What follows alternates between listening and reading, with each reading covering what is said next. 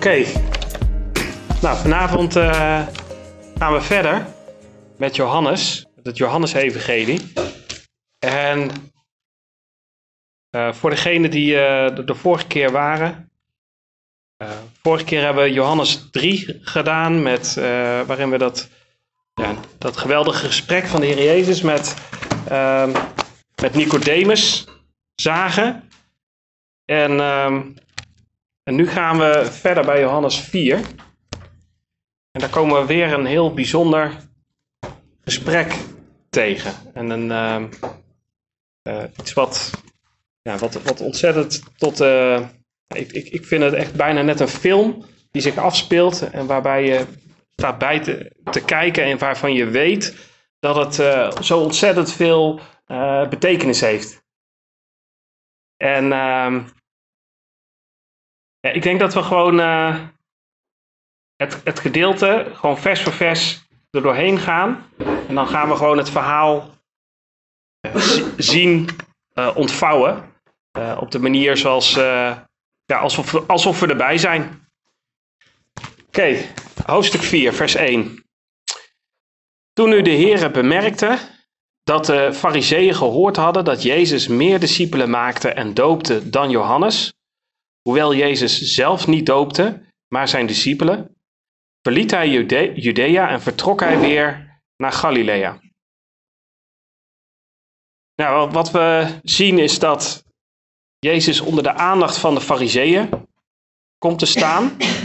En ja, we zien puur de opmerking dat hij meer discipelen eh, eh, maakte dan Johannes. En ja, wat, waarom de Heer Jezus besloot dan om eh, te vertrekken, ja, dat staat er niet precies, maar het, het lijkt er wel op te, eh, mee te maken hebben dat hij populairder begon te worden. En de vraag is of ehm, hij wilde voorkomen dat er een soort van wicht tussen Johannes en hem zou komen te staan, of dat eh, hij nog niet wilde dat zijn eh, volledige bediening eh, tot een uiting zou komen. Weet het niet precies, want eh, we weten uit de andere evangeliën dat zijn bediening pas zeg maar, echt begon wanneer Johannes de Doper gevangen genomen werd. Dus, nou ja, goed, we, we zien dit. En Jezus trekt weg uit dat gebied. We zien ook dus dat Jezus zelf niet doopte, maar zijn discipelen. Dat wordt even benadrukt hier. En ehm,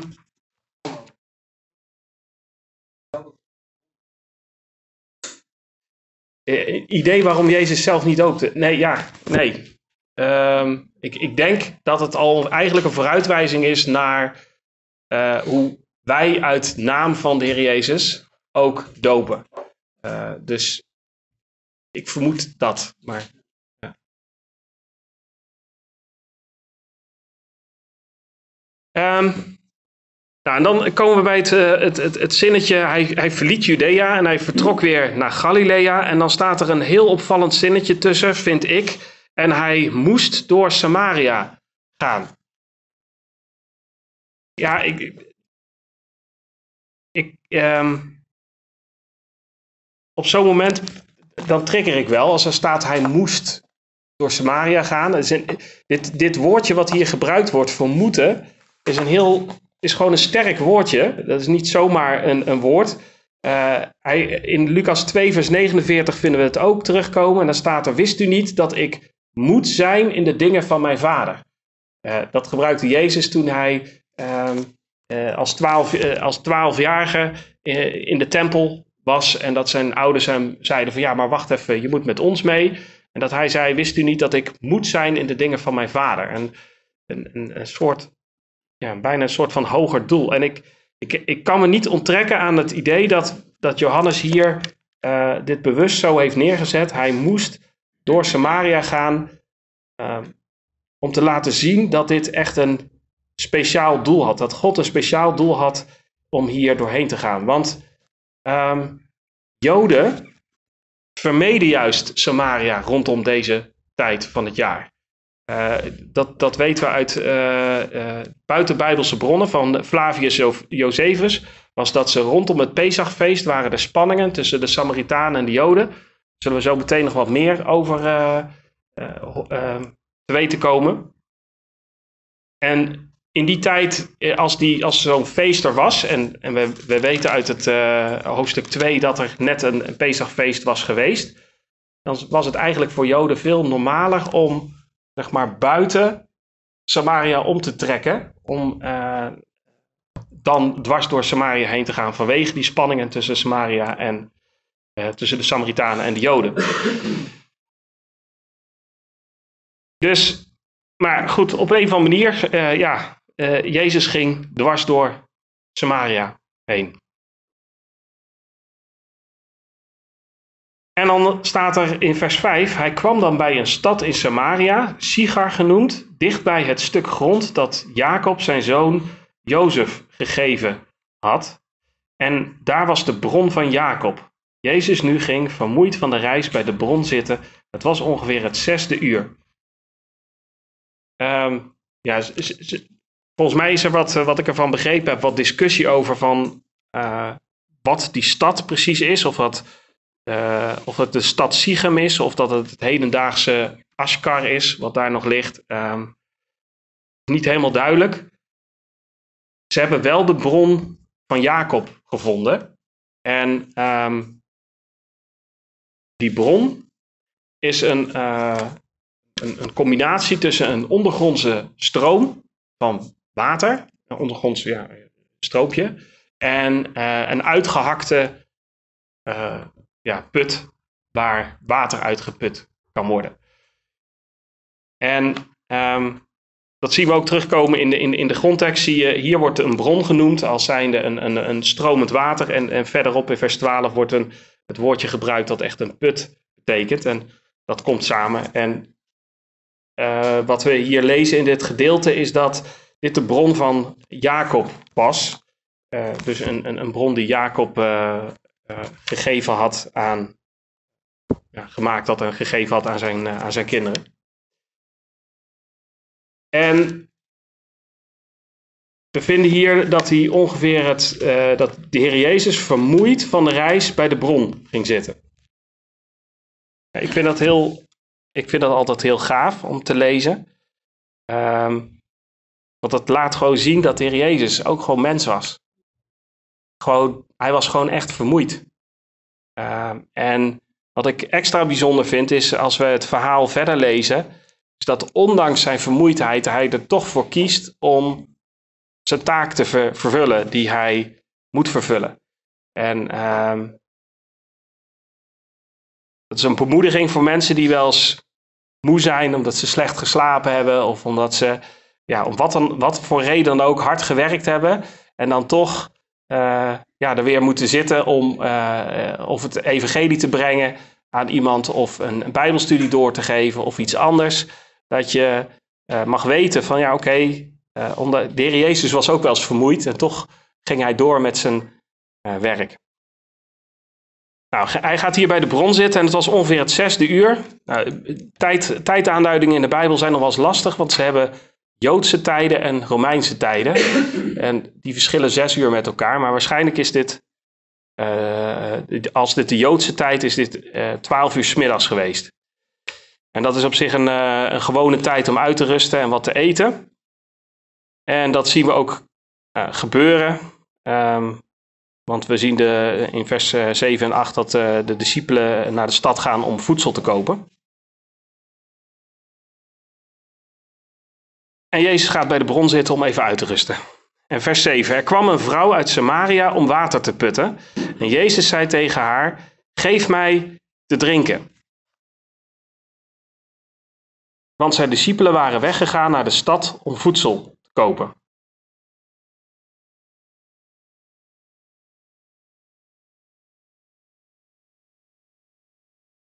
Ja, ik vind hier iets wat, uh, wat, wat opvallends. Um, aan deze verschijning van deze vrouw. Je, je kunt, kunt denken van, uh, oké, ja, er komt een vrouw uit Samaria en die komt water putten. Maar ze komt alleen. En um, ze komt om, nou ja, waarschijnlijk dus 12 uur s middags. Dan is het warm. is helemaal geen logisch moment om naar de bron te komen. En vaak kwamen mensen gewoon met, met een heel groepje. Dat is natuurlijk ook veel gezelliger. Ze moesten een end lopen. kwamen ze met een groepje om te putten, water te putten en dan, ehm, en dan weer terug te gaan. En, en, en, en zij komt in er eentje en om 12 uur s middags. En dat is wel opvallend. En dat zullen we zo meteen ook wel zien, waarom, waarom dat waarschijnlijk het geval is dat zij midden op de dag gaat in er eentje. En dan vraagt de Jezus gewoon simpelweg om drinken. Ja, ik, het is een hele uh, logische vraag. Hè? De heer Jezus zegt, nou, geef mij wat te drinken. En dan uh, zien we in vers 9, de Samaritaanse vrouw dan zei tegen hem, hoe vraagt u, die een Jood bent, van mij te drinken, die een Samaritaanse vrouw ben? Want Joden hebben geen omgang met Samaritanen. Ja, ik vind het eh, gaaf. Uh, het geeft wat weer over de, de, de, de, de spanningen die er zijn tussen de Samaritanen en de, en de Joden. Want de Heer Jezus stelt gewoon echt een hele simpele vraag. Wat wij denken van ja, dat is een hele simpele vraag. Maar mag ik wat drinken? En, en zij begint een religieuze discussie. Dat is toch raar? Um, nou, dan moeten we wat, wat, wat begrijpen eigenlijk over wat, wie de Samaritanen waren. En het is opvallend dat je er best nog wat uit, uh, ook uit de Bijbel uh, uit kunt halen van wie de Samaritanen waren. Dat, um, we vinden in uh, het gedeelte van 2 Koningen 17, vers 24 tot 41, vinden we de situatie dat de koning van Assyrië mensen uit Babel bracht uit een heleboel gebieden, uit Guta, uit Afwa, uit Hamad en Sepharvaim. En die liet hen in de steden van Samaria wonen, in de plaats van de Israëlieten. Dus hij had de Israëlieten weggevoerd en ze lieten nu dus, uh, die volken lieten ze daarin terugkomen. En vervolgens komen er problemen. Uh, want, en en, en dat, dat, ze hebben door dat dat te maken heeft met het feit dat die mensen God niet aanbidden dan vinden we in vers 28 dat, ze dan, dat die koning dan een priester gaat sturen. Toen kwam een van de priesters die men uit Samaria weggevoerd had. En deze ging in Bethel wonen. En hij leerde hun hoe ze de heren moesten vrezen. Ze kregen eigenlijk een spoedcursus uh, hoe ze God moesten eren. Maar dan is er een probleem. Maar ieder volk bleef zijn eigen goden maken. En in vers 33, ze vreesden de heren, maar dienden ook hun goden. Sorry, dat is een typfout overeenkomstig de handelwijze van de volken waaruit men hen weggevoerd had. Dus ze gingen en God en hun eigen goden dienen. En nou, dat, dat is wat de Samaritanen eigenlijk definieerden. Ze, ze, ze, waren wel nakomelingen van Jacob, maar vermengd met geïmporteerde, ja, niet-Joden. Uh, ze beschouwden alleen de eerste vijf boeken van Mozes als Gods woord. Ze hadden dus een religie waar godsdienst en afgodendienst naast elkaar stonden. Ze hadden zelfs een eigen tempel gebouwd uh, op de berg Gerizim. Waar, wat hier bij deze bron in de buurt is. Dus op, op de plek waar de bron van Jacob is, uh, uh, kun je de berg Gerizim zien. En de Joden beschouwden hen als onrein, want ze hadden zich vermengd. en nou ja, ze, ze, ze, waren, ze hadden ook afgodendienst. De Joden beschouwden hen als onrein. En dat staat hier dan ook in vers 9, want Joden hebben geen omgang met Samaritanen. Dat is een, een, een, eigenlijk een soort van toelichting van Johannes op deze situatie. Hij zegt, ja, ze gaan niet om met Samaritanen. Er zijn ook Bijbelvertalingen die zeggen, die hebben het wat geïnterpreteerd en die hebben gezegd, want Joden uh, gebruiken niet dezelfde vaten als Samaritanen. Het probleem was namelijk, de Heer Jezus had geen emmer bij zich, hij had geen kruik bij zich, dus hij kon geen water uh, uh, drinken zonder dat hij water zou drinken uit die kruik van die vrouw. Dus de kruik van de, hij moest die kruik van die vrouw gebruiken, maar dan zou hij ook onrein zijn, doordat zij beschouwd werd als onrein door de Joden. Dus vandaar dat die vraag van haar eigenlijk helemaal niet zo raar is. Zij had kennelijk besef van die situatie. En denk je, ja, maar dan moet je mij kruik gebruiken. En dan ben je ook onrein. Dat, dat schiet niet op. Dus uh, hoezo? Uh, nou, in Esra 4 en Nehemia 4 vind je ook nog wat over die Samaritanen. Uh, verhaal van uh, Sambalat en Tobia die weerstand bieden. dus ja, er, is, er is echt serieus veel spanningen tussen de Samaritanen en de Joden en behoorlijk verklaarbaar. En dan zegt Jezus in vers 10, als u de gave, Jezus antwoordde en zei tegen haar, als u de gave van God kende en wist wie Hij is die tegen u zegt, geef mij te drinken, u zou het Hem hebben gevraagd en Hij zou u levend water gegeven hebben. De Heer Jezus die, die draait het om en die zegt van ja, maar wacht even, als jij wist, hij zegt eigenlijk in, in verkapte woorden, als je wist wie ik ben, dan zou je aan mij gevraagd hebben, geef mij te drinken. En ik zou je levend water gegeven hebben. In het Oude Testament vinden we al een, uh, een verwijzing terug naar levend water. In Jeremia 2, vers 13 eh, spreekt God tot het volk en, en spreekt hij een, een verwijt uit. Hij zegt, tegen, hij zegt, want mijn volk heeft een dubbel kwaad gedaan in Jeremia 2, vers 13. Mij, de bron van levend water, hebben zij verlaten om zich bakken uit te hakken, lekkende bakken die geen water houden. Hij zegt van, ik ben de bron van levend water en, en, en jullie zijn weggegaan bij mij en jullie zijn begonnen met maar zelf bakken uit te hakken en die zijn ook nog eens lek en dat water wat erin komt, dat, dat, dat, stroomt weer weg, dat schiet niet op. En hij legt in dat gedeelte ook uit dat het te maken heeft met, uh, met, met, met hun afwijken in de leer. Met dat ze weer teruggaan naar het. Ze proberen water van Egypte te halen en het water van Assyrië. Um, hij, hij verwijt ze dat ze bij hem weggaan. In plaats van dat ze bij hem de, de bron van levend water kracht zoeken, zoeken ze het bij andere, op andere plekken. En dat is natuurlijk hè, wat, wat, wat de Samaritanen natuurlijk ook deden. De Samaritanen waren afgeweken van God. Die hadden hun eigen godsdienst, deden ze ernaast. Ze deden en God en hun eigen goden. in Jesaja 55 vers 1 zien we een prachtige belofte van de Heer God. O, alle dorstigen, kom tot de wateren.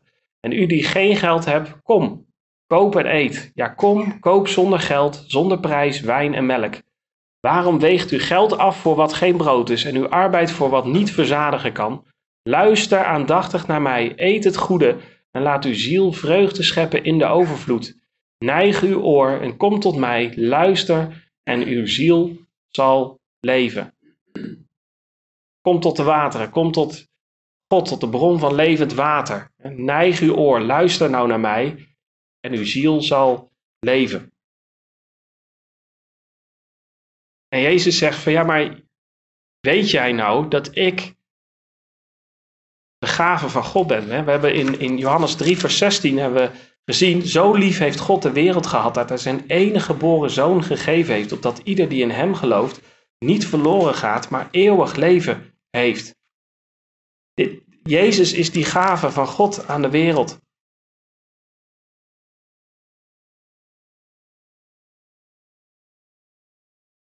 En hij zegt van als jij wist wie ik dus ben, als jij weet dat ik dat ben, dan zou je naar mij moeten vragen en dan zou, je, zou ik jou levend water gegeven hebben. Maar net als Nicodemus in het vorige hoofdstuk zien we dat de vrouw het geestelijke niet snapt. Zij denkt gewoon echt dat, dat hij met een flesje levend water komt aanzetten. De vrouw zei tegen hem: Meneer, u hebt geen emmer en de put is diep. Waar hebt u dan het levende water vandaan? Dus hier zie je ook terugkomen dat Jezus dus geen emmer bij zich had. U hebt geen emmer en de put is diep. Waar hebt u dan het levende water vandaan? Bent u soms meer dan onze vader Jacob, die ons de put gegeven heeft en zelf daaruit gedronken heeft, evenals zijn kinderen en zijn kudde?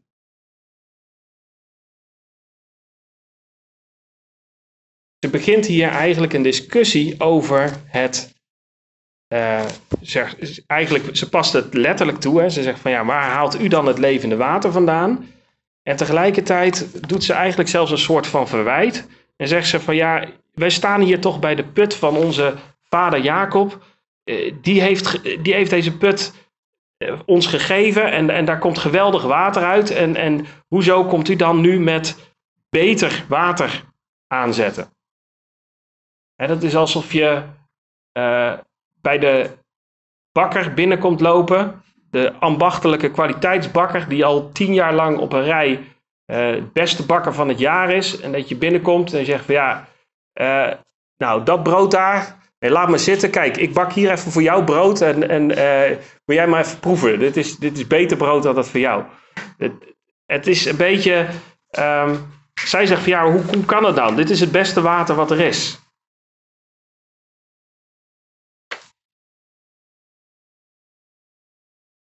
Maar dan gaat Jezus uh, verder op de. Gaat het toch weer geestelijk uitleggen. Hij zegt: Nee, wacht even. Dit is een geestelijk verhaal waar je mee zit. En Jezus antwoordde en zei tegen haar: Ieder die van dit water drinkt, zal weer dorst krijgen. Maar wie drinkt van het water dat ik hem zal geven, zal in eeuwigheid geen dorst meer krijgen. Maar het water dat ik hem zal geven, zal in hem een bron worden van water dat opwelt tot in het eeuwige leven.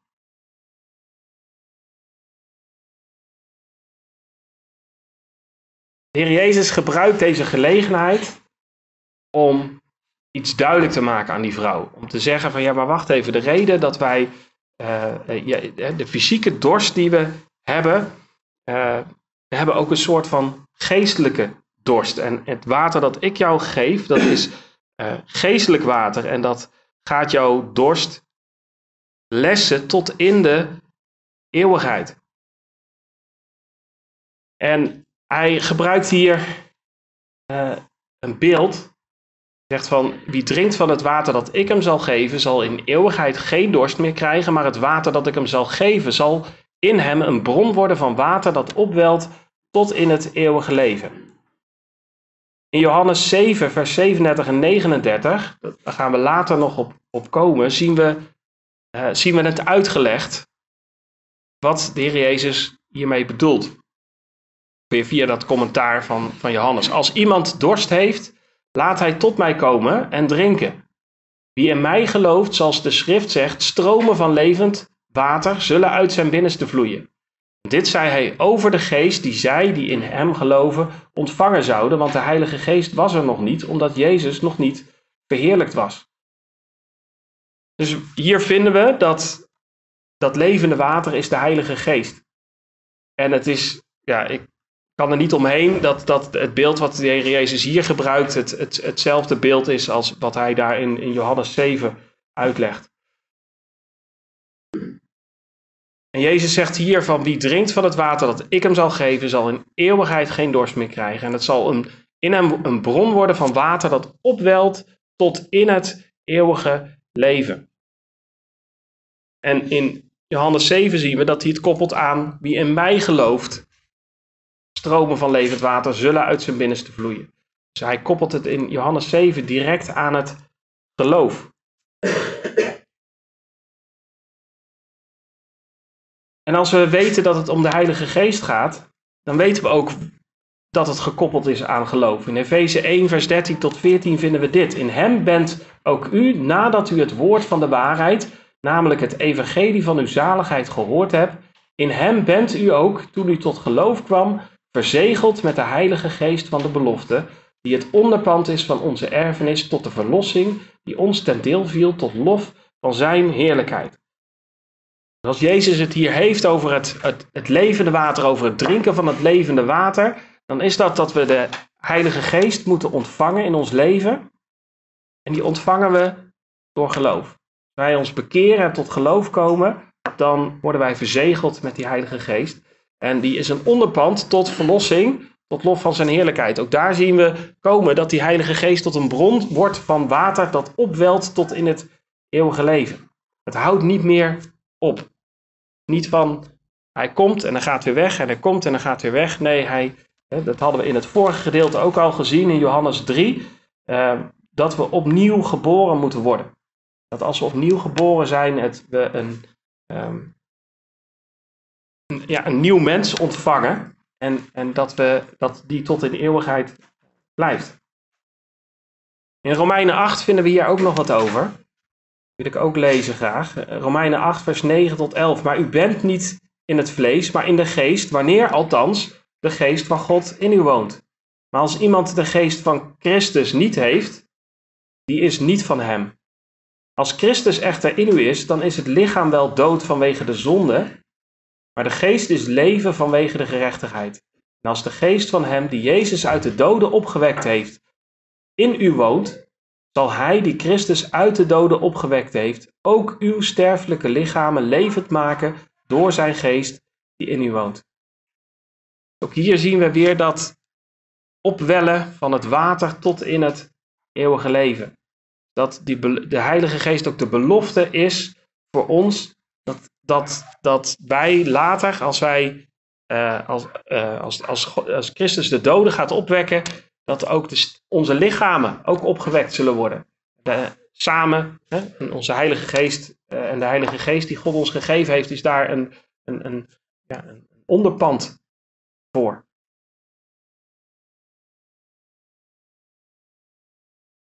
Maar het beeld van hier wat Jezus hier geeft, die drinkt van het water dat ik hem zal geven, zal in eeuwigheid geen dorst meer krijgen. Als we daarover nadenken, dit is zo uh, krachtig. we hebben hier drinken en wij beseffen elke keer, uh, worden we ermee geconfronteerd dat we drinken nodig hebben. Eh, als, als je even een tijd niet drinkt, dan krijg je een droge mond en je, je, je merkt dat je, dat je futloos wordt, dat je energie verliest. En, en dan denk je, ik moet weer uh, drinken, ik moet weer uh, water hebben. En, en, en Jezus zegt gewoon van, nou maar dit water, uh, dan, dan als je hiervan drinkt, dan heb je nooit meer dorst. En het zal in je worden tot een bron van water dat opwelt tot in het eeuwige leven. Dit is de de, de geestelijke doorslessing. En dat is geen, geen, geen labmiddeltje. Dit is, dit is als wij de Heilige Geest ontvangen hebben, dan, dan, dan hebben we niks anders meer nodig als wij tot geloof zijn gekomen in Heer Jezus. Zullen we nooit meer die, dat, het, het, het, het hoeven te missen. Hoeven we nooit meer God te missen. We God leren kennen. En, en, en, en, en Hij is de bron van het levende water. Wat we gezien in Jeremia.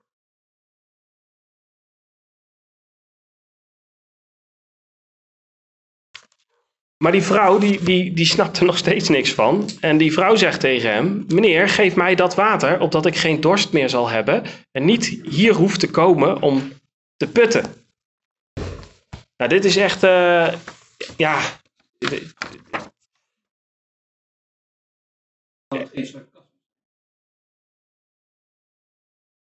Nou, ja. Um, ik, ik, ik, ik proef dat er niet uit. Ik proef, geen, ik proef bij die vrouw geen sarcasme. En dat, dat, dat, dat, zien we ook zo meteen terugkomen. Uh, um, uh, ik, het lijkt, als, je hier dit, als zij dit hier zo zegt, lijkt je er echt uit te proeven van dat ze echt denkt: van ja, maar dat, dit water, dat, dat, dat wil ik wel. Dan hoef ik niet meer op en neer te gaan. Prima. Als dat water beter is. En. Um, man. Nou ja, en, en dat zullen we straks ook nog wel verder zien, is, is dat uh, veel mensen komen bij Jezus voor de verkeerde redenen. Komen bij Jezus omdat ze wonderen willen meemaken. Of ze komen bij Jezus omdat ze een oplossing van hun probleem willen hebben. Of dat ze geld willen of voorspoed. Of dat nou wel of niet eh, voorgespiegeld is door uh, verkeerde leraars uh, uh, die verkeerd onderwijs hebben gegeven. Maar de Heer Jezus die, die gaat hier niet op in. En die gaat door op de kern van het probleem. En die zegt in vers 16. En Jezus zei tegen haar: Ga heen, roep uw man en kom hier.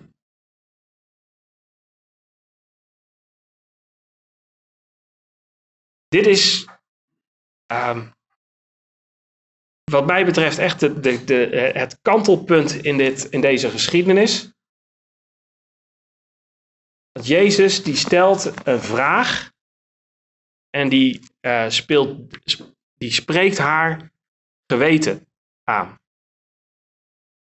Want we lezen ook in uh, vers 17, de vrouw antwoordde en zei tegen hem, ik heb geen man. En Jezus zei tegen haar, u hebt terecht gezegd, ik heb geen man, want vijf mannen hebt u gehad en die u nu hebt, is uw man niet. Dat hebt u naar waarheid gezegd. Dus wat we hier zien, wat we hier zien terugkomen, is dat Jezus de zonde aanwijst in haar leven en zegt, ja maar dit is een probleem. Maar hij zegt dat op zo'n prikkelende manier, op zo'n heldere manier, dat ze eigenlijk zelf tot die conclusie moet gaan komen. En ze omzeilt, ze lijkt het antwoord een beetje om te omzeilen. Ze lijkt een beetje het voorzichtig te formuleren. Ik heb geen man, alsof ze een beetje aanvoelde van ja, dit, dit is een gevaarlijke vraag. Um, en dan zegt Jezus, ja, ik, u hebt terecht gezegd, ik heb geen man, want vijf mannen hebt u gehad en die u nu hebt, is uw man niet. Dus zij was al vijf keer getrouwd geweest. En als we verder in het verhaal zien, dan lijkt het er ook mee te maken te hebben dat die vijf keer dat ze getrouwd is, dat dat ook uh, misschien nog, dat dat niet alleen maar is geweest dat er vijf keer dat haar man overleden is geweest. Dus dat er mogelijk overspel bij uh, uh, geweest is. Maar de Heer Jezus spreekt in ieder geval aan wat, wat nu het probleem is. Zij woont nu samen met een man. En die is uw man niet. Dus Jezus wijst hier ook samenwonen heel duidelijk af. En zegt van ja, maar je bent nu samen met iemand, maar dat is je man niet. En dat heb je naar waarheid gezegd. En dat is een probleem. we weten dat in Romeinen 3, vers 20 weten we, door de wet is kennis van de zonde. En, en Jezus spreekt haar nu eigenlijk aan op de wet. En eh, in Galaten 6, vers 19 tot 21 vinden we terug waarom dit zo'n probleem is en waarom de Heer Jezus dit aanpakt in haar leven. Het is bekend wat de werken van het vlees zijn, namelijk overspel, hoererij, onreinheid, losbandigheid, afgoderij, toverij, vijandschappen, ruzie, afgunst, woedeuitbarstingen, egoïsme, oneenigheid, afwijkingen in de leer, jaloersheid, moord, dronkenschap, zwelgpartijen en dergelijke, waarvan ik u voor zeg, zoals ik ook al eerder gezegd heb, dat wie zulke dingen doen, het koninkrijk van God niet zullen beërven. De Heer Jezus maakt hier bij die vrouw duidelijk van ja, als jij van dat levende water wil drinken, eh, moet dit probleem eerst opgelost worden. Dit is een probleem, daar kom je niet mee weg. Dat is, eh, als je blijft doorgaan in overspel en hoerij en je daar niet van bekeert, dan kom je het koninkrijk van God niet binnen, zegt de Bijbel. De Heer Jezus begon zijn prediking ook met uh, in Marcus 1, vers 15: Bekeer u en geloof het evangelie. En, en, en de Heer Jezus lijkt hier daar weer op, te, uh, op terug te komen. Op, op, en, en duidelijk te maken aan die vrouw: er moet iets veranderen in jouw leven. Je hebt nu een probleem. Degene die je nu hebt, is je man niet. Nou, die, die, Um, die vrouw. Ik kan me zo voorstellen dat je op zo'n moment echt denkt van... Oké, nu zit ik in de problemen. Uh, ja, toch? Ja. ja. En um, ik vraag me ook wel eens af... Ik denk dat we die vraag onszelf mogen stellen. Is wat nou als uh, jij of ik die vrouw was geweest die bij die bron zat? Zou Jezus, welke vraag zou Jezus gesteld hebben over ons leven? Is er een zonde in ons leven waarmee we rondlopen, waarvan we weten dat het zonde is, dat het niet goed is, en dat als Jezus ons zou ontmoeten bij die bron, dat we zeggen: Ah, geef mij dat levende water maar. Dat hij dan zou zeggen: Ja, maar. Laat me je internetgeschiedenis eens zien. Of. Denk maar wat.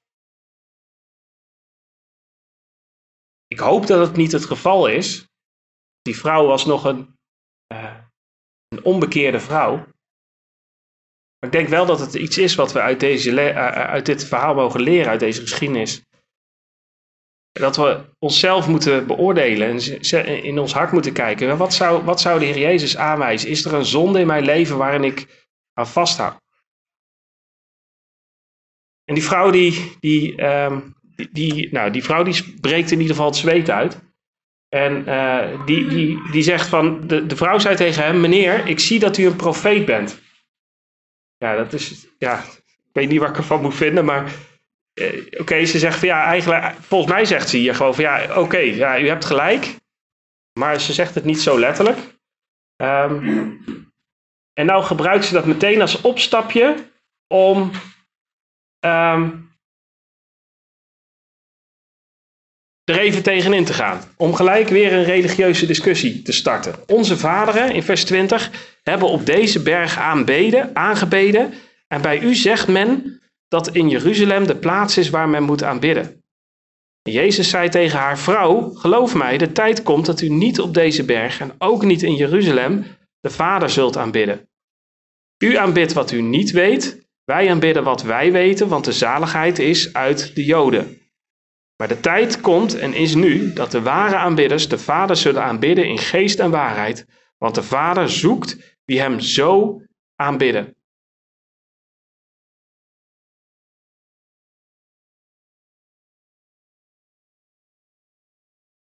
Ze begint meteen de discussie. Ze staan daar bij die uh, berg Gerizim. En ze, wij, ze lijkt daarnaar te wijzen en ze zegt van ja, onze vaderen hebben op deze berg aangebeden. Uh, totdat de, de tempel verwoest uh, was. En, en bij u zegt men dat Jeruzalem de plaats is waar men moet aanbidden. En dan, ja, eigenlijk gewoon van ja, wat is uw mening daarover?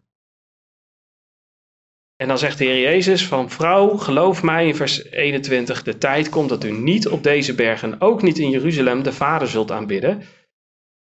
En dan vers 22, u aanbidt wat u niet weet en wij aanbidden wat wij weten, want de zaligheid is uit de Joden. Het, het, zoals ik het interpreteer, wat, wat Jezus hier zegt, is dat de Samaritanen uh, hadden een, een bepaalde vorm van religie, wat ze gebaseerd hadden op lucht.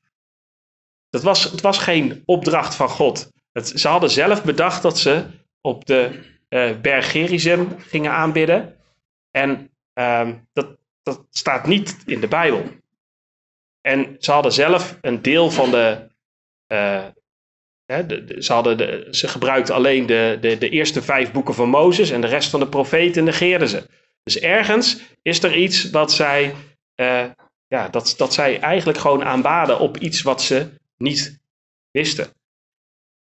Maar de Joden aanbaden wat wij weten. Dan zegt hij, ja, want de zaligheid is uit de Joden.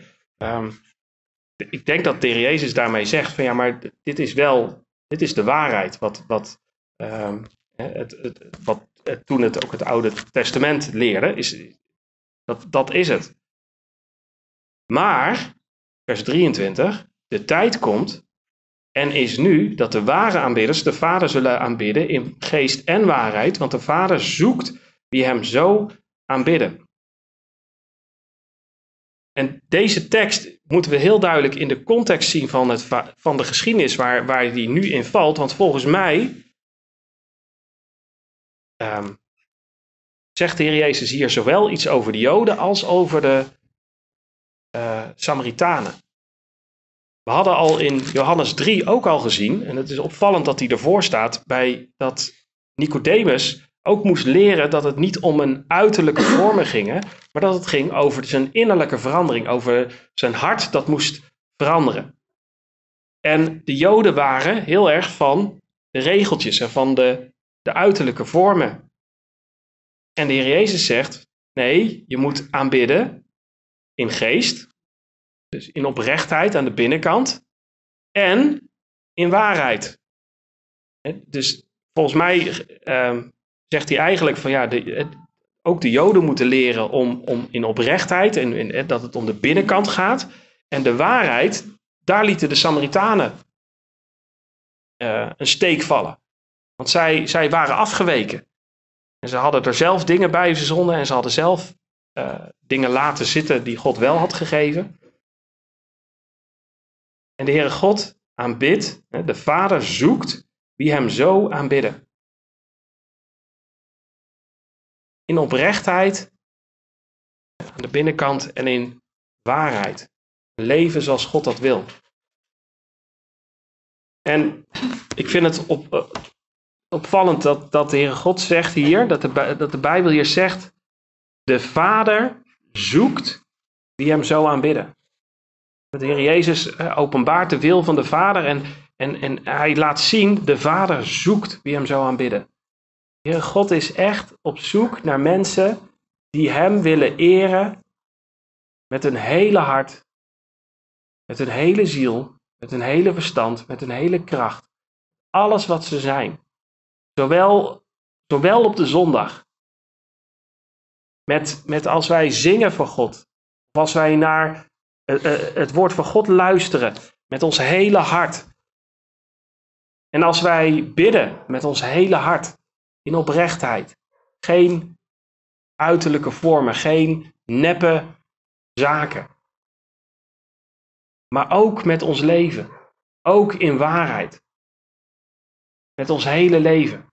Zoals in Romeinen 12, vers 1 en 2 staat: Ik roep u er dan toe op, broeders, door de ontfermingen van God, om uw lichamen aan God te wijden als een levend offer, heilig en voor God welbehagelijk. Dat is uw redelijke godsdienst. Dat is uw redelijke worship, staat er in het Engels. Uw redelijke aanbidding. En wordt niet aan deze wereld gelijkvormig, maar wordt innerlijk veranderd door de vernieuwing van uw gezindheid om te kunnen onderscheiden wat de goede, welbehagelijke en volmaakte wil van God is. Die nieuwe mens waar we het um, waar we in Johannes 3 ook over gelezen hadden, over die wedergeboorte die moet plaatsvinden in ons leven. De Heilige Geest die in ons moet, kom, moet komen wonen, dat levende water, dat moet ons veranderen. Dat moet ons leven transformeren.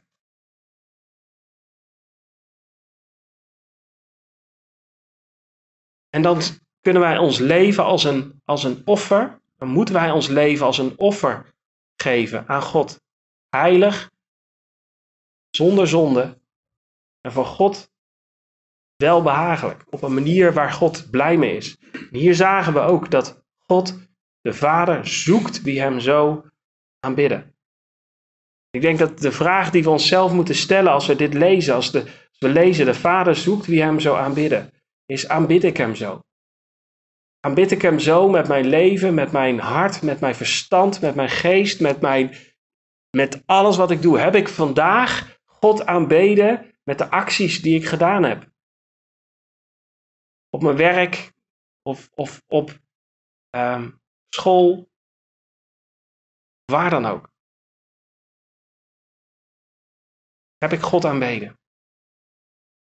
En in Amos 5, vers 21, 23, 24 heb ik even wat, wat als je dat wil, de context een beetje wil nazoeken, dan uh, uh, roep ik je op om die vooral na te lezen. Is dat hoezeer God wil dat wij Hem aanbidden, maar dan in oprechtheid. Dan zegt hij: Ik haat, ik versmaad uw feesten. Doe het lawaai van uw liederen van mij weg en het getokkel van uw luiten kan ik niet aanhoren. Maar laat het recht stromen als water, de gerechtigheid als een altijd stromende beek. Dus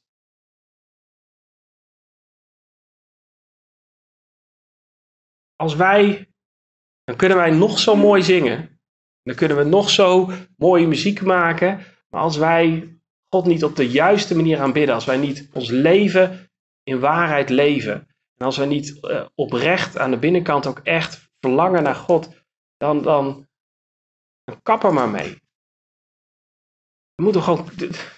De Heer, het, de Heer God zegt niet dat Hij niet wil dat we Hem aanbidden. Nee, Hij zegt juist, in dit gedeelte hebben we gelezen, dat de Vader zoekt wie Hem zo aanbidden. Dus eh, we, kunnen Hem eren. En als wij zo in alle oprechtheid gewoon staan te zingen en, en, en hem staan te aanbidden, dan maakt het niet uit of je wel of niet kunt zingen. Uh, het gaat om je hart. Nou, dan gaan we verder. In vers 25. De vrouw zei tegen hem: Ik weet dat de Messias komt, die Christus genoemd wordt. De, de Samaritanen verwachten hem ook. Wanneer die gekomen zal zijn, zal hij ons alles verkondigen. En Jezus zei tegen haar: Ik ben het die met u spreekt. Ik ben, Jezus tegen haar. En dat lijkt voor, voor haar hier een, een, een ommekeer te zijn. Dan vinden we dat, uh, dat er wat terugkomt en dan, dan de, discipelen komen op dat moment. En op dat moment kwamen zijn discipelen en zij verwonderden zich dat hij met een vrouw sprak. Toch zei niemand, wat zoekt u? Of wat spreekt u met haar? Ja, ik neem dit gewoon aan voor wat er staat. Het is, kennelijk vonden zij het dus ook een, een, een aparte situatie. Uh, en, uh, maar op een of andere manier ervaren ze toch ook dat, ze, dat het niet verstandig is op dat moment om in te breken. En het vervolg is, is, is bijzonder. We zien in vers 28, de vrouw nu liet haar waterkruik staan en ging weg naar de stad en zei tegen de mensen, kom, zie, iemand die mij alles gezegd heeft wat ik gedaan heb, zou hij niet de Christus zijn? En zij dan gingen de stad uit en kwamen naar hem toe. Dus dit is, dit is het effect van het levende water op iemand. Die vrouw die laat zelfs haar waterkruik staan en die denkt, ik ga naar de stad en ik ga naar die mensen waar ik uh, altijd van weg blijf. ze, kwam speciaal op zo'n moment van de dag dat, in ieder geval daar lijkt het op, dat ze alleen kwam, zodat ze die andere mensen niet hoefde te zien. En dan, nu rent ze juist naar diezelfde mensen toe. En zegt ze, brengt ze meteen het evangelie. Kom, zie, iemand die mij alles gezegd heeft wat ik gedaan heb. Daar, daarmee daar kunnen we ook achterhalen van, uh, dat zal allemaal niet veel soep zijn geweest. En we, ja, hij, hij, heeft alles hij heeft gezegd wat ik, wat ik gedaan heb. En zou hij dan niet de Christus zijn? Zou hij niet de Messias zijn, de gezalfde? En zij zijn daar zo van onder de indruk, die mensen, dat ze de stad uitgaan en naar Jezus toe gaan. En um, ja, volgens mij is dat het, het effect van, het, uh, van een slok van het, van het levende water. Is, is dat het je eigen leven in eerste instantie radicaal verandert. We lezen in Galaten 6, vers 22. De vrucht van de geest is echter liefde, blijdschap, vrede, geduld, vriendelijkheid, goedheid, geloof, zachtmoedigheid, zelfbeheersing. Daarentegen richt de wet zich niet, maar wie van Christus zijn, hebben het vlees met zijn hartstochten en begeerten gekruisigd. Als wij door de geest leven, leven hebben ontvangen in geloof, door die Heilige Geest ontvangen, laten wij dan ook door de geest wandelen. Oftewel, laten we ook die uiting van de geest ook in, ons leven tot de uiting laten komen. En die vrucht van de geest is liefde, blijdschap, vrede, geduld, vriendelijkheid, goedheid, geloof, zachtmoedigheid en zelfbeheersing. Dit is wat God geeft in ons leven. En het is zo, wij zijn als mensen zo, denk ik, uh, vaak, in ieder geval ik, uh, koppig en eigenlijk dom bezig, dat wij van nature onszelf proberen te verbeteren. Van nature zeggen wij, ik wil goed zijn voor God. Ik wil, ik wil dit niet meer doen. Ik wil dat niet meer doen. En, en, God geeft juist iets totaal anders. God geeft het, het levende water, dat, dat opborrelt tot in het eeuwige leven. En hij geeft gewoon de vrucht van de geest. Liefde, blijdschap, vrede, geduld, vriendelijkheid. Goedheid, geloof, zachtmoedigheid en zelfbeheersing. God geeft dat. En wij moeten de geest van God de ruimte geven in ons leven. Dat voor elkaar te krijgen. Dat is dat, dat, dat borrelende, levende water dat jouw leven aan het veranderen is. Jouw leven radicaal verandert. Nou, dat zie je bij die vrouw. Um, we zien het hier nu niet in het verhaal terug. Van, we zien niet van dat ze zich uh, keert in de zin van uh, dat ze zegt van, oh, ik, het, ja, dat is zonde van dat ik nu... We zien niet wat er gebeurt met die eh, met die man. En we, zien er verder helemaal niks van, maar we zien wel direct eh, dat, dat, dat positieve effect van dat ze gewoon zelfs haar waterkruik laat staan, uh, dat aardse dingen meteen laat staan en, en, en naar de stad gaat om, om de mensen te halen en te zeggen van jullie moeten de Messias ook kennen. Dat is het tweede effect. Wat er gebeurt met het levende water is het verandert levens om je heen. Als Jezus zegt stromen van levend water zullen uit je binnenste vloeien, dan is het simpelweg dat Jezus zegt er zullen stromen van levend water uit je binnenste vloeien. Dat, dat stroomt over. En wat gebeurt er in een woestijn waar water overvloedig aanwezig is in een woestijn, in een woestijnplekje. Daar ontstaat een oase. En dat is het effect van als wij de Heilige Geest in ons leven laten, laten werken door het geloof in de Heer Jezus. Dan gaan we om ons heen dat effect zien. We gaan het verlangen krijgen om naar de mensen om ons heen te gaan. En we gaan ook vrucht zien. En zij heeft die opdracht, die wij dus in Matthäus 28, vers 19 hebben, had zij nog niet gehoord. De Heer Jezus heeft ons de opdracht gegeven. Ga dan heen, onderwijs al de volken en dopend in de naam van de Vader en de Zoon en de Heilige Geest, hun lerend alles wat ik u geboden heb in acht te nemen. Wij hebben de opdracht gekregen om erop uit te gaan, maar die vrouw is het eerste wat ze doet. Ze, komt, ze lijkt meteen tot geloof te komen. En het eerste wat ze doet is naar de mensen in de stad gaan en het evangelie brengen. Kom, jullie moeten het ook horen. Dat kan niet anders. Want dat is het effect van de Heilige Geest. Nou, dan vinden we in vers 31. En intussen vroegen de discipelen hem: Rabbi, eet toch iets? Maar hij zei tegen hem: Ik heb voedsel te eten waarvan u geen weet hebt de discipelen dan zeiden tegen elkaar: Iemand heeft het toch niet te eten gebracht. Ook zij lijkt het weer zo ontzettend gewoon weer uh, aards te denken. En Jezus zei tegen hen: Mijn voedsel is dat ik de wil doe van Hem die mij gezonden heeft en zijn werk uh, volbreng. Zegt u niet, nog vier maanden, dan komt de oogst? Zie, ik zeg u, sla uw ogen op en kijk naar de velden want zij zijn al wit om te oogsten. En wie oogst ontvangt loon en verzamelt vrucht voor het eeuwige leven, opdat zich samen verblijden, zowel wie zaait als wie oogst. Want hierin is de spreuk waar, de een zaait en de ander oogst. En ik heb u uitgezonden op de oogsten waarvoor u zich niet hebt ingespannen, anderen hebben zich ingespannen en u hebt de vrucht van hun inspanning binnengehaald.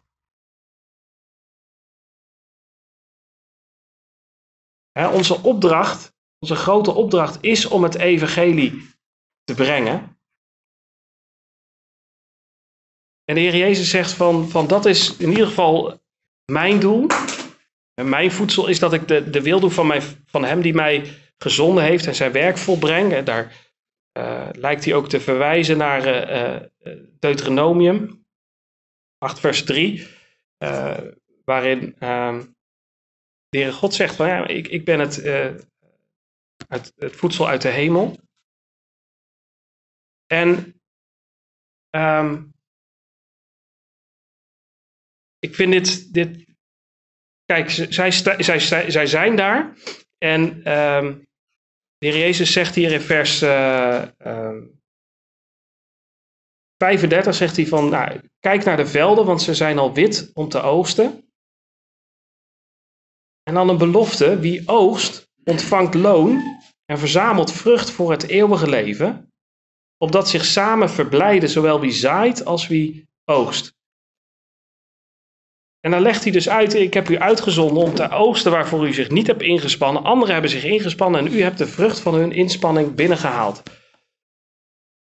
Ergens is daar een, een samenwerking tussen zaaien en oogsten. Dat vinden we ook terug in, uh, in 1 Korinthe 3, vers 6 tot 8. Legt Paulus uit van ik heb geplant, Apollos heeft begoten, maar God heeft laten groeien. Dus is dan nog hij die plant iets, nog hij die begiet, maar God die laat groeien. En hij die plant en hij die begiet zijn één, maar ieder zal zijn eigen loon ontvangen overeenkomstig zijn eigen inspanning. Want Gods medearbeiders zijn wij, Gods akker en Gods bouwwerk bent u. Dus of, het nou, of wij nou uh, zaaien en niet meteen het evangelie hè, tot, tot uiting zien komen, of, of iemand anders die oogst en, en, en iemand tot bekering ziet komen.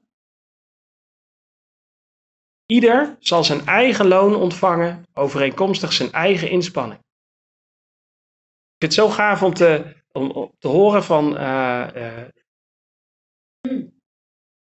die man die met ons mee evangeliseert, dat hij tot geloof is gekomen door iemand die hem ooit op straat het evangelie heeft verteld en die man weet niet dat hij tot geloof is gekomen. Dus hoe dus wij weten ook niet wat er allemaal gebeurt met, met als wij uh, vrijdag weer uh, in de stad gaan staan en wij vertellen het evangelie. Wij weten niet wat het, het lange termijn effect gaat zijn. Maar dat, uh, dat vraagt God dus ook niet van ons. En in hun situatie is het zo dat, dat zij al waren in een situatie waarin Johannes, Johannes de Doper, al die hele, al een, een, een heel diening had gehad om vooruit te wijzen naar de Heer Jezus. Dus de mensen waren er al, in ieder geval die hun hart open hadden voor God, die waren er al klaar voor om het evangelie te horen. En uh, nou, daar zegt de Heer Jezus van ja, maar oké, uh, de ene, um, jullie mogen nou gewoon gaan oogsten en, en, en ga maar gewoon oogsten. En dat geeft twee dingen in vers 36. Dat geeft loon en vrucht voor het eeuwige leven en blijdschap samen verblijden, zowel wie zaait als wie oogst.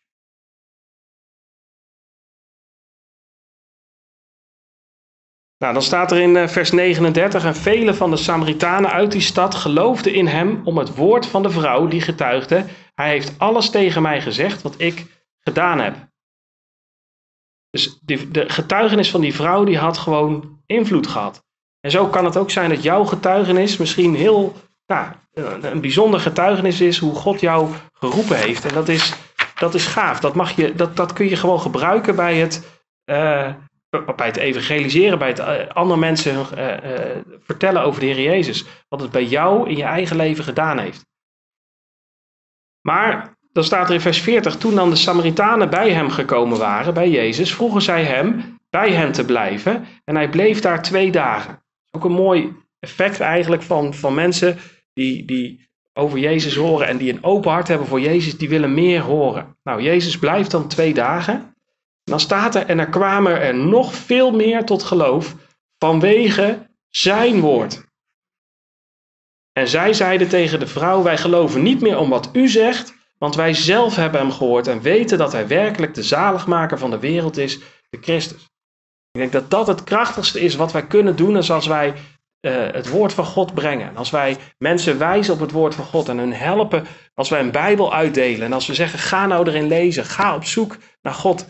Dat ze Jezus mogen vinden in de Bijbel en dat ze dan tot de conclusie komen van ja, hij is werkelijk de redder van de wereld, de, de, degene die ik nodig heb.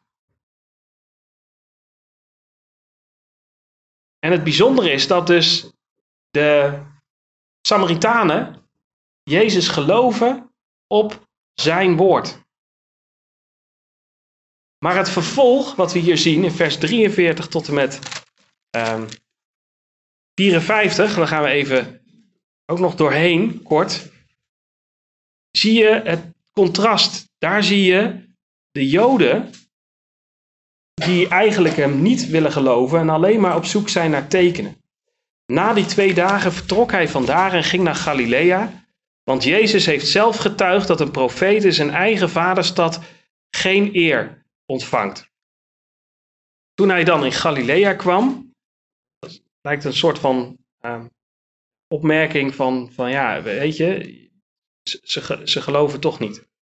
Toen hij dan in Galilea kwam, ontvingen de Galileërs hem, omdat zij alles gezien hadden wat hij in Jeruzalem gedaan had op het feest. Volgens mij is dat het Pesachfeest, wat in uh, hoofdstuk 2 beschreven staat. Uh, want ook, zelf, ook zij zelf waren naar het feest gegaan. En daar had Jezus allerlei wonderen gedaan en, en daarom ontvingen zij hem. staat hier, omdat zij alles gezien hadden. Jezus dan kwam opnieuw te Cana in Galilea, waar hij van water wijn gemaakt had. Nou, daar had hij nog, zo, dat, nog een groot wonder gedaan. En er was een zekere koninklijke hoveling, wiens zoon ziek lag in Capernaum. En toen deze hoorde dat Jezus uit Judea in Galilea was gekomen, ging hij naar hem toe en vroeg hem te komen en zijn zoon gezond te maken, want hij lag op sterven. Hij, hij hoort Jezus en eh, hij hoort dat Jezus er is en hij denkt van nou, oké, ik wil dat mijn zoon gezond wordt. Dat lijkt hier te gebeuren. Dat hij komt bij Jezus als, als miracle worker, als, als, als, als wonder, als een soort van medicijnman. Van genees me maar, genees mijn zoon maar. En Jezus dan zei tegen hem, als u geen tekenen en wonderen ziet, zult u beslist niet geloven. Dat is een heel sterk verwijt van, nee, jongens, jullie willen alleen maar geloven als jullie tekenen en wonderen zien. Maar de koninklijke hoveling laat toch nog wel iets zien van geloof. Dan staat er in vers 49, de koninklijke hoveling zei tegen hem, Heere, kom voordat mijn kind sterft.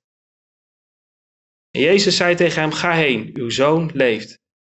En de man geloofde het woord dat Jezus tegen hem zei en ging heen. Ook hier zie je dus weer geloof op het woord. Dus ondanks het feit dat de meerderheid van die uh, uh, mensen daar in, in zijn omgeving van de Heer Jezus, dat hij daar zei van ja, die, die, hè, een profeet ontvangt in zijn eigen vaderstad geen eer. En de mensen um, geloofden eigenlijk alleen voor de tekenen en voor de wonderen. Liet deze man toch zien dat hij Jezus geloofde op zijn woord. Dan gebeurt er dus een wonder. En reeds terwijl hij afdaalde, hij ging terug, kwamen zijn slaven hem tegemoet en berichtten hem: Uw kind leeft. Dan gaat hij heel precies informeren naar wat er dan precies gebeurde. Hij informeerde dan bij hen naar het uur waarop de beterschap was ingetreden. En zij zeiden tegen hem: Gisteren op het zevende uur is de koorts van hem geweken. En de vader dan zag in dat het op dat uur was waarop Jezus tegen hem gezegd had: Uw zoon leeft. En hij geloofde, hij zelf en zijn hele huis. Dit heeft zo'n impact op die, die man. De Heer Jezus zei: Ga heen, uw zoon leeft. En hij geloofde Jezus op dat woord. En dan is hij onderweg en dan gaat hij en dan, dan komt hij tot de conclusie dat precies op het moment dat Jezus zei, hij leeft, dat Jezus hem genezen had. Hoe gaaf is dit? En hij komt tot geloof, hij zelf en zijn hele huis. Dit deed Jezus als nieuw teken, het tweede toen hij uit Judea in Galilea gekomen was. Ik denk dat we als conclusie kunnen trekken van, van, van dit gedeelte is, uh, als eerste van, is er een zonde in jouw leven waarop Jezus jou aanspreekt? Zou, zou Jezus hoe, hoe zou Jezus jou aanspreken als jij bij de bron zou zitten? Ik denk dat de tweede is, is van, heb jij je vertrouwen al gesteld op Jezus? Heb jij hem aangeroepen tot vergeving en redden? Geloof jij in hem? Geloof jij dat hij uit de dood is opgestaan, heb jij het levende water gedronken. En dan, conclusie, eigenlijk je, jezelf gaan afvragen van ja, maar wat merk ik van dat levende water? Verandert het jouw leven? Is het, zijn het stromen van levend water die uit jouw binnenste vloeien? Merk je dat jij zelf verandert door, dat, door de Heilige Geest en merk je dat je omgeving verandert? Als laatste, geloof jij Jezus op zijn woord of heb jij wonderen en tekenen nodig? Jezus zei van opdat u mij gezien hebt, Thomas, hebt u geloofd, in Johannes 20 vers 29, maar zalig zijn zij die niet gezien zullen hebben en toch zullen geloven. Amen.